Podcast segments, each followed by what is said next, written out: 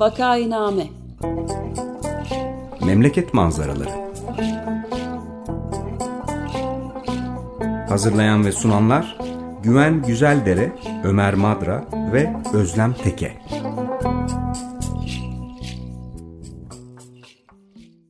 Günaydın, Vakainame'ye hoş geldiniz. Burası 95 FM Açık Radyo. Vakainame'yi Ömer Madra, Özlem Teke ve ben Güven Güzeldere birlikte yapıyoruz. Bugün konuğumuz Sinan Alper. Hoş geldin Sinan Bey. Hoş bulduk, merhabalar. Merhabalar, hoş geldiniz.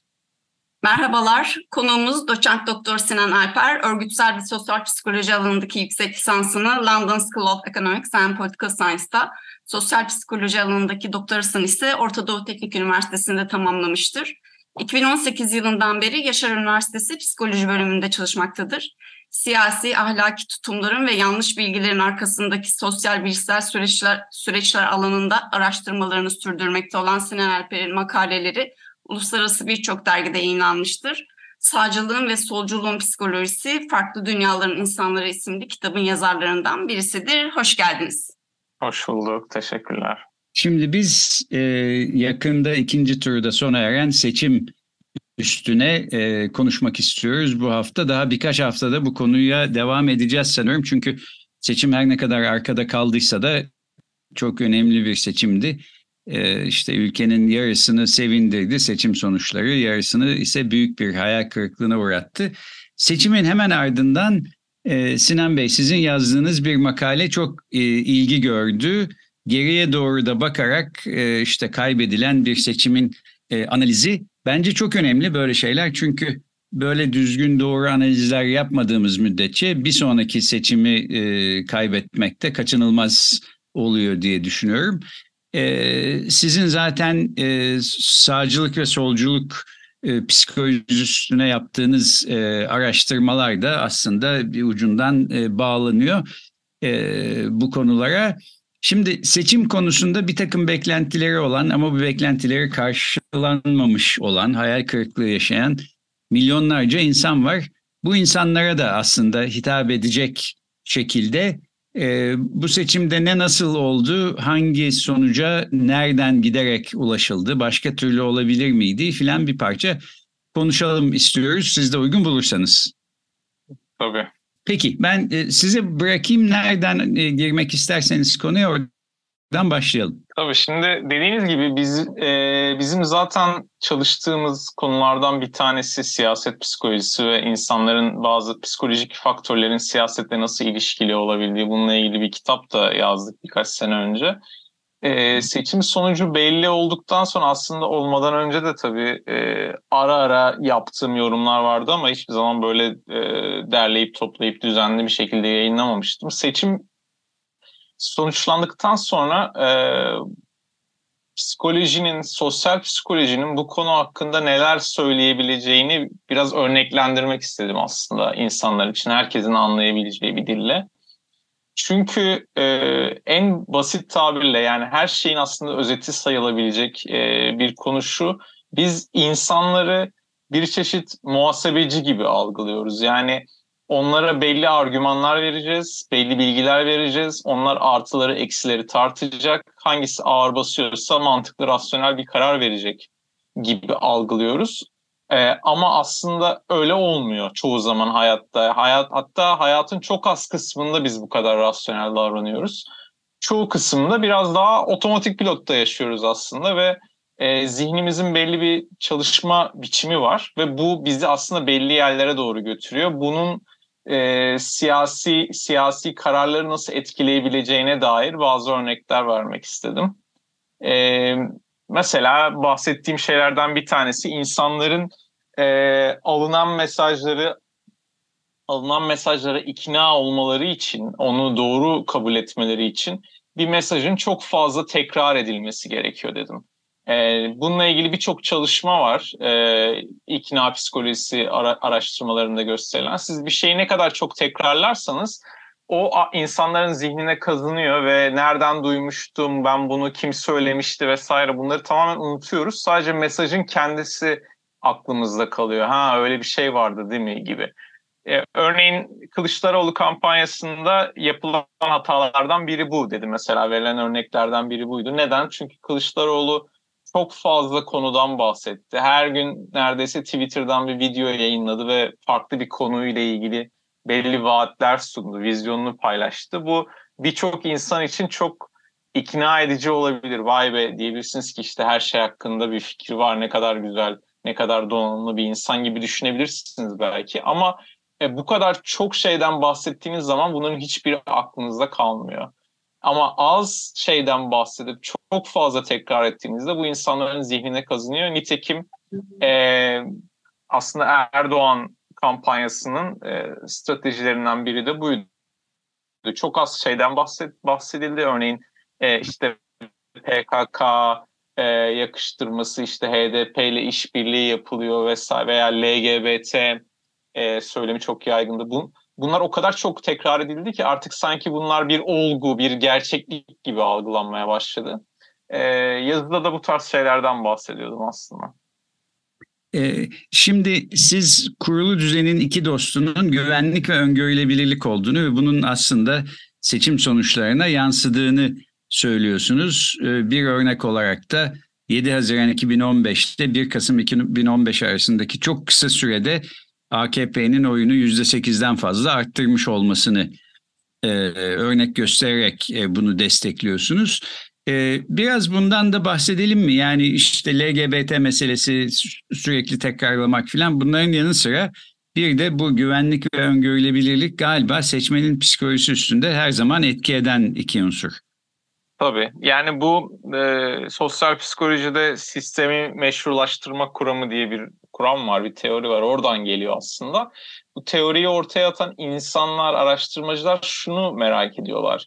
E, biz toplumumuzda her zaman aslında bir çeşit eşitsizlik, hiyerarşi, e, haksızlık, adaletsizlik vesaire var. Ama insanlar e, çok nadiren böyle şeylere isyan ediyorlar ve genelde var olan sistemi muhafaza etme e, yoluna gidiyorlar ve bu neden olabilir e, gibi bir soruyla yola çıkılıyor. Ve varılan noktada aslında bizim bazı psikolojik ihtiyaçlarımızın olduğu ve bu ihtiyaçları karşılamaya çalışırken bunun bir yan etkisi olarak da var olan içinde bulunduğumuz sistemi, statikoyu muhafaza etmeye eğilimli olmaya başladığımızı söylüyor. Şimdi sizin söylediğiniz gibi bu, bu psikolojik ihtiyaçlar neler? En önemli iki tanesi e, belirsizlikten kaçınma. Yani öngörülebilir, belirli bir dünyada, belirli bir evrende yaşama ihtiyacı. Çünkü belirsizlik insanların genel olarak hiç sevmedikleri bir şeydir. Kötü bir şey olacak olsa bile ne olacağını bilmek isterler. Hiç bilmemek de genelde daha e, rahatsız edici bir histir. Ve diğer ihtiyacımız da güvende olma ihtiyacı. Şimdi bu ikisini de aslında var olan sistemler, o sistem ne olursa olsun, yani çok haksız, adaletsiz, şu bu hatta böyle ırkçı, faşist vesaire bile olabilir e, içinde yaşadığımız politik sistem. Ama bize bir öngörülebilirlik sağlıyor. Çünkü biz onu içinde yaşıyoruz, biliyoruz. E, e, ne yaparsak sonucunun ne olacağını biliyoruz. Ertesi gün uyanınca ne olacağını biliyoruz. Ama köklü bir siyasi değişim vaat eden aktörler bu öngörülebilirliği sağlamıyorlar. Çünkü adı üstünde büyük bir değişim vaat ediyorlar ve bu değişim bizde bir kaygı uyandırıyor. Ne olacağını bilmiyoruz. Yani şu an kötü tamam ama acaba daha da mı kötü olabilir e, gibi düşünmeye başlıyoruz. Ve aynı zamanda içinde bulunduğumuz sistemi karşı çıkmak güvende olma ihtiyacımızı da zedeliyor. Çünkü en güvenli strateji genelde bir şey yapmamaktır. Yani içinde bulunduğumuz sistemle ve onun aslında e, o mekanizmanın bir parçası olmayı kabul etmektir en güvenli strateji kendi kişisel çıkarınız için. Şimdi çok büyük radikal siyasi değişim vaat edildiği zaman insanların bu ihtiyaçları zedeleniyor ve insanlar biraz korkmaya başlıyorlar aslında. Şimdi e, gezi olaylarını düşünelim. Orada e, çok sonradan çok popüler olmuş sosyal medyada çok paylaşılmış e, bir şey vardır ifade tarzı insanlar bazı insanlar şey demiştir e, işte ilk üç gün ben de destekledim ama sonra işte biraz aşırıya kaçtı vesaire. İşte orada aslında olaylar ciddiye bindikçe insanlar biraz kaygılanmaya başlıyorlar. Yani sıradan bir sokak gösterisi tamam olabilir ama biraz ciddiye binmeye başladığı zaman, biraz politikleşmeye başladığı zaman olay o zaman insanlar bir dakikaya acaba daha da mı kötü olacak e, her şey gibi bir hisse giriyorlar. Sizin söylediğiniz 2015'teki iki seçim aslında bunun en hormonlu, en e, maksimum haliydi. Çünkü orada e, alelade bir şey yaşanmadı. İşte 7 Haziran seçimlerinde AKP tek başına iktidar olamadı. E, her ne kadar birinci parti çıksa da. Sonrasında e, çeşitli koalisyon görüşmeleri veya ona benzer e, bazı görüşmeler yapıldı ama bu süreçte aynı zamanda esas olay bir sürü e, terör saldırısı ve çatışma ortamı oluştu. İşte Suruç patlaması, Ankara Gar saldırısı, e, e, işte Hendek savaşları veya Hendek operasyonları diye kamuoyunda bilinen çatışma ortamı, Güneydoğu'da özellikle şehir merkezlerine dahi inen çatışmalar ve biz hemen hemen her gün ölüm, çatışma, bomba, patlama gibi haberler görmeye başladık ve birkaç ay sonra yapılan e, yeniden seçimde AKP bu sefer bir anda çok fazla arttırdı oyunu ve e, tekrar iktidara geldi. Bu aslında biraz önce anlattıklarımın bir örneği. Çünkü insanlar tamam biz rahatsızdık ama acaba daha da mı kötü olacak her şey gibi bir hisse girdikleri zaman e, var olan sistemden yana taraf tutmayı düşünüyorlar. Bu şu anki 2023 seçimlerinde de yaşadığımız bir şey. Tamam evet patlama, saldırı vesaire olmadı belki ama yine de PKK bir şekilde seçimin bir numaralı gündem maddesiydi. Her ne kadar eski yıllardaki gibi büyük bir çatışma, saldırı vesaire gibi bir ortam olmamış olsa da kamuoyu bunu önemli bir gündem maddesi olarak tırnak içinde satın aldı ve böyle algıladığı için de 2015'tekine benzer bir etki olmuş olabilir. Son bir şey daha söyleyeyim tamam. Şimdi siz yazınızda diyorsunuz ki e, bu seçim sonuçlarına ekonomik koşulların daha yüksek oranda etki edeceğini düşünmüştüm ama e, belki yeterince televizyon izlemiyor olduğum için dolayısıyla iktidar destekleyen seçmenlerle aynı enformasyon bombardımanına e, maruz kalmadığım için yanılmış olabilirim e, diyorsunuz. E, öte yandan işte bir de biliyoruz ki mesela Cumhurbaşkanı'nın e, işte çıktığı konuşma yapmak için televizyon programları falan o kadar çok izlenmiyor. Bir takım diziler daha çok izleniyor. İşte muhalif kanallarda daha çok ilgi var e, programlara falan. Ee, buradan bazı insanların çıkardığı sonuç işte yani medyayı ne kadar kontrol altında tutmaya çalışırsa çalışsın iktidar hep aynı şeyleri söylediklerinden bir etkisi yok idi. Bunun böyle olmadığını anlıyorum sizin yazınızdan. Yani e, çok izlensin izlenmesin iktidarın güdümünde olan programlar e, medyanın büyük kısmının iktidarın kontrolü altında olması aslında ciddi bir fark yaratıyor diyorsunuz galiba öyle mi? Yani bunu tabii doğrudan test edecek veri de olması gerekir. Biraz spekülasyon yapıyoruz ama e, mutlaka etkilemiştir. Çünkü sadece Erdoğan'ın çıktığı canlı yayınların izlenme oranları e, bence önemli bir bilgi vermiyor. Çünkü insanlar e, ülkede olan biteni nereden öğreniyorlar? E, nasıl bir çerçevelemeyle verilen haberlerden öğreniyorlar? Bu önemli. Okudukları gazeteler önemli, izledikleri haber e, hangi televizyon kanalının haber bülteni izliyorlar önemli. E, hatta ve hatta tükettikleri popüler kültür ürünleri bile önemli. Yani örneğin Osmanlı e, dizileri TRT'de ve başka kanallarda yayınlanan bunların güncel siyasete de birçok referans içerdiğini, oralara atıflarda bulunduğunu biliyoruz kamuoyuna yansıyan bazı örneklerden. Dolayısıyla insanlar yani sadece spesifik tek bir işte canlı yayın programını izlememiş olmaları çok bir şey ifade etmiyor. Ülkede olan biteni şu an gündem ne? öğrendikleri yer eğer e, yanlı bir şekilde bir veriyorsa haberi veya belli bir çerçevelemeyle veriyorsa onların gündemi de o şekilde oluşuyor. Çünkü sizin söylediğiniz gibi ben orada aslında şeyden bahsettim. Yani bu 2015 seçimlerinde örneğin e, seçimlerden hemen önce insanlara sorduğunuz zaman 7 Haziran seçimlerinden önce e, Türkiye'nin en önemli sorunu nedir diye anketlerde e, 1 ve 2 numarada işsizlik ve ekonomik sorunlar çıkıyordu e, terör 3, 3 terör ve güvenlik 3. çıkıyordu yanlış hatırlamıyorsam. Ama 7 Haziran'dan sonra 1 Kasım seçimlerine geldiğimizde 1 Kasım seçimlerinden hemen önce yapılan aynı aynı soruyu sorduğunuzda bu sefer bir numara açık ara terör çıkıyor. Dolayısıyla insanların o e, Türkiye'nin sorunu olarak algıladıkları şey önemli. E, onu algılarken de tabii ki televizyon ve gazetelerden fazlasıyla etkileniyorlar. Evet peki şimdi ben biraz e, susayım da Özlem Hanım'la Ömer Bey de e, kendi sorularını sorsunlar. Evet Özlem ne diyorsun? Ee, şey, peki e, sizin kitabınızda da aslında e, sanırım bunu açıyorsunuz ama sol ve sağ seçmen arasında e, bir fark var. Hem partilerin kampanyalarını algılama ve buna yanıt verme açısından hem de ülkenin gerçek sorunları algılama açısından bir fark olduğunu söylediğinizi düşünüyorum. Bunu biraz açabilir misiniz?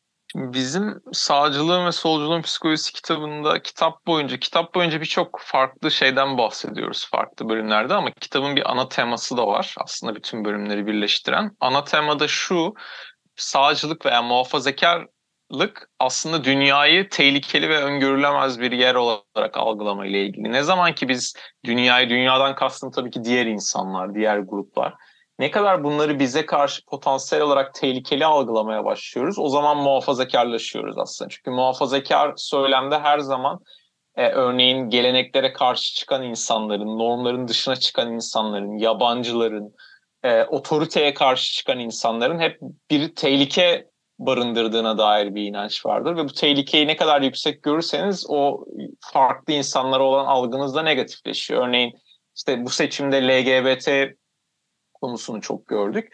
L, e, LGBT, LGBT haklarını savunan insanlar genelde şöyle yaklaşırlar. Yani işte size ne gibi bir zararı var yetişkin insanlar kendi aralarındaki e, ilişkiler veya cinsel yönelimlere sizi niye ilgilendiriyor gibi bir argümanla gelirler ama muhafazakar zihinde o öyle değildir. Çünkü LGBT'nin bir, bir sadece var olması bile işte aile değerlerine, kültüre vesaire bir tehdit olarak algılanır. O yüzden aslında e, negatif yaklaşılır.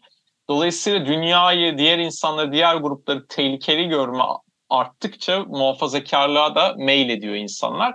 Bu e, top, sadece bu değişmez bir özelliği de değil bu arada insanların. Yani bazı insanlar muhafazakardır ve öyle kalıyorlar da değil. Toplum olarak muhafazakarlaşma da mümkün bu sebeple e, işte savaş durumlarında terör, saldırı, çatışma vesaire gibi şeylerde e, biz toplum ortalamasının muhafazakarlaştığını, sağcılaştığını görüyoruz. Türkiye'de de bunun birçok örneği var.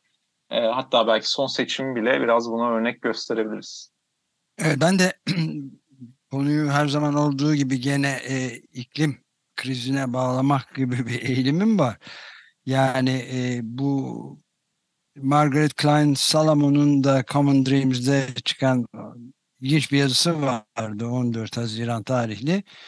Yani bu bütün New York'u ve Doğu Amerika'yı da şeyini alan, etkisini alan duman altı vaziyeti Kanada'daki orman yangınlarından ortalığın perişan hale gelmesi ne ama duman dağıldıkça gene iklim inkarcılığı, gündelik hayatın iklim inkarcılığı gayet net olarak ortaya çıktı. Unutma eğilimi başladı diyor. Bunu da belki bu sizin yazıda da işte Joseph Goebbels'e de yani bir yalanın yeterince uzun, yeterince gürültülü ve yeterince sık söylendiği durumda insanlar inanır alıntısını yapmışsınız.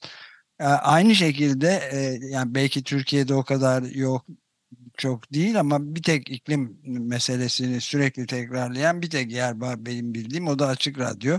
Mikrofonları hoparlörleri en çok tekrarlayan.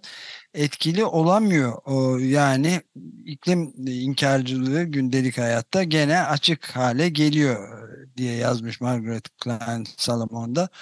Yani bunun da böyle bir tekrarla sizin söylediğinizle bağlantılı olduğunu düşünüyorum. İklim de tıpkı seçimlerdeki durum gibi.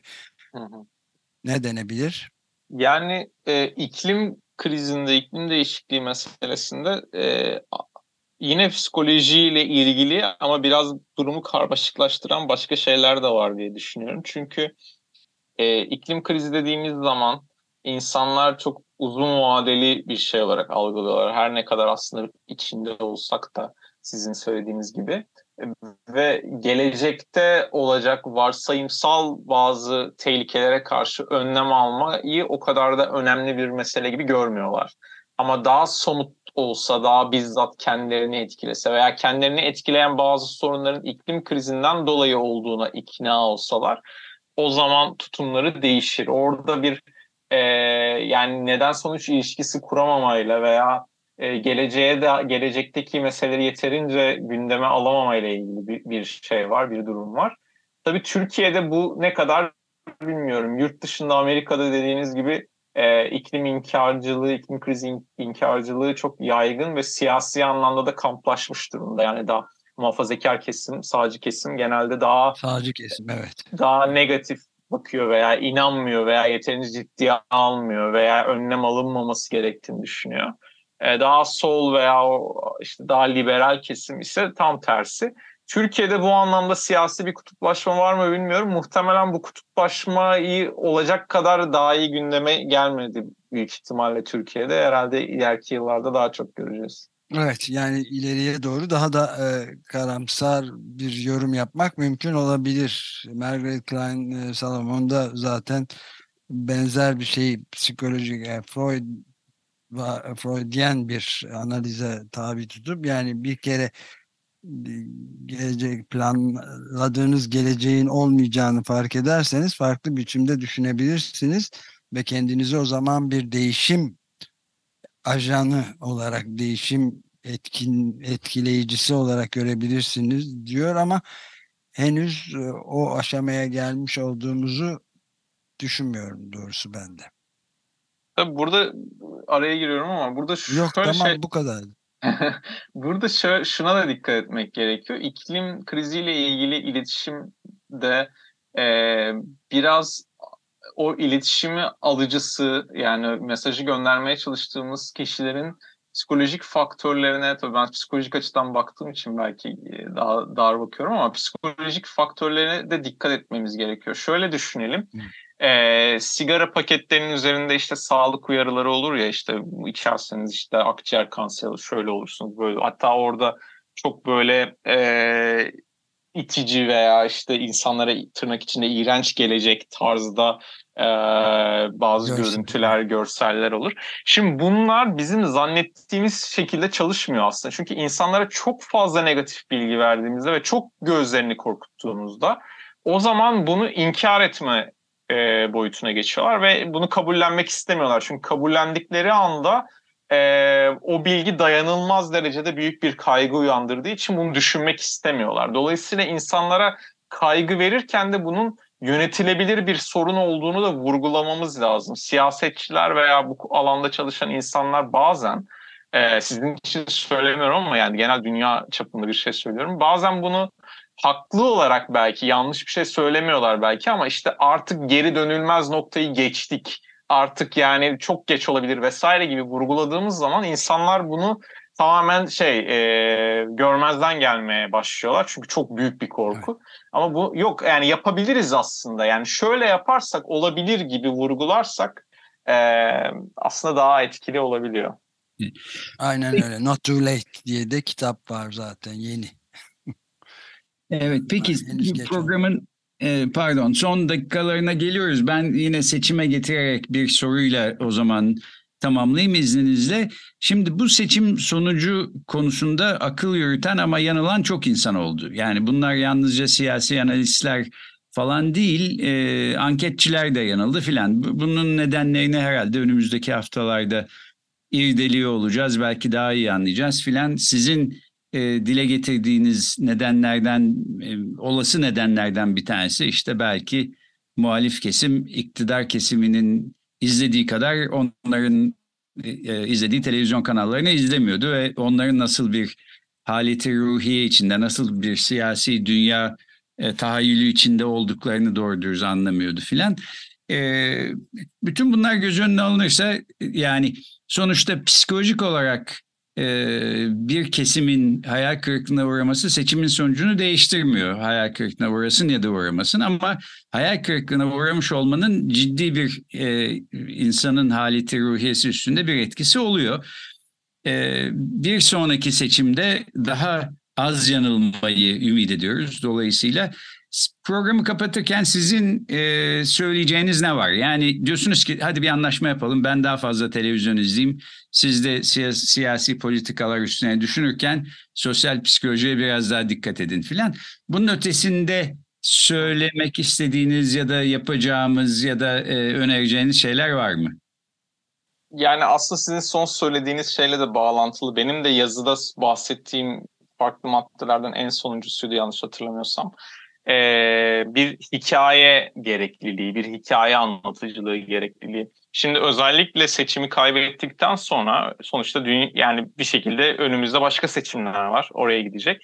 Ve oraya giden süreçte muhalefet liderleri kendilerine öyle bir hikaye yaratmaları var ki yani o seçim neden kaybedildi, şimdi neden artık her şey çok farklı, ne, nasıl şeyler değişti, ee, buna dair öyle bir hikaye, öyle bir anlatı yaratmalılar ki insanlar buna ikna olsunlar. Çünkü insanlar sadece bilgi verdiğinizde e, başka bir partiye, başka bir seçmene oy vermeye o kadar kolay ikna olmuyorlar. Biz kendimizle ilgili de bir gün yaptığımızı bazen başka gün başka bir gün başka bir şey yapıyoruz ama e, dün böyle yapıp bugün başka türlü yapmamızın bir açıklaması oluyor zihnimizde ve o, o hikayeyle kendi aslında meşrulaştırıyoruz. Aynı şekilde bugün X partisine veya X adayına oy veren yarın neden Y'ye versin? Arada ne, ne oldu, ne geçti? Bu anlatıyı, bu hikayeyi çok iyi yönetebiliyor olması lazım bir siyasetçinin.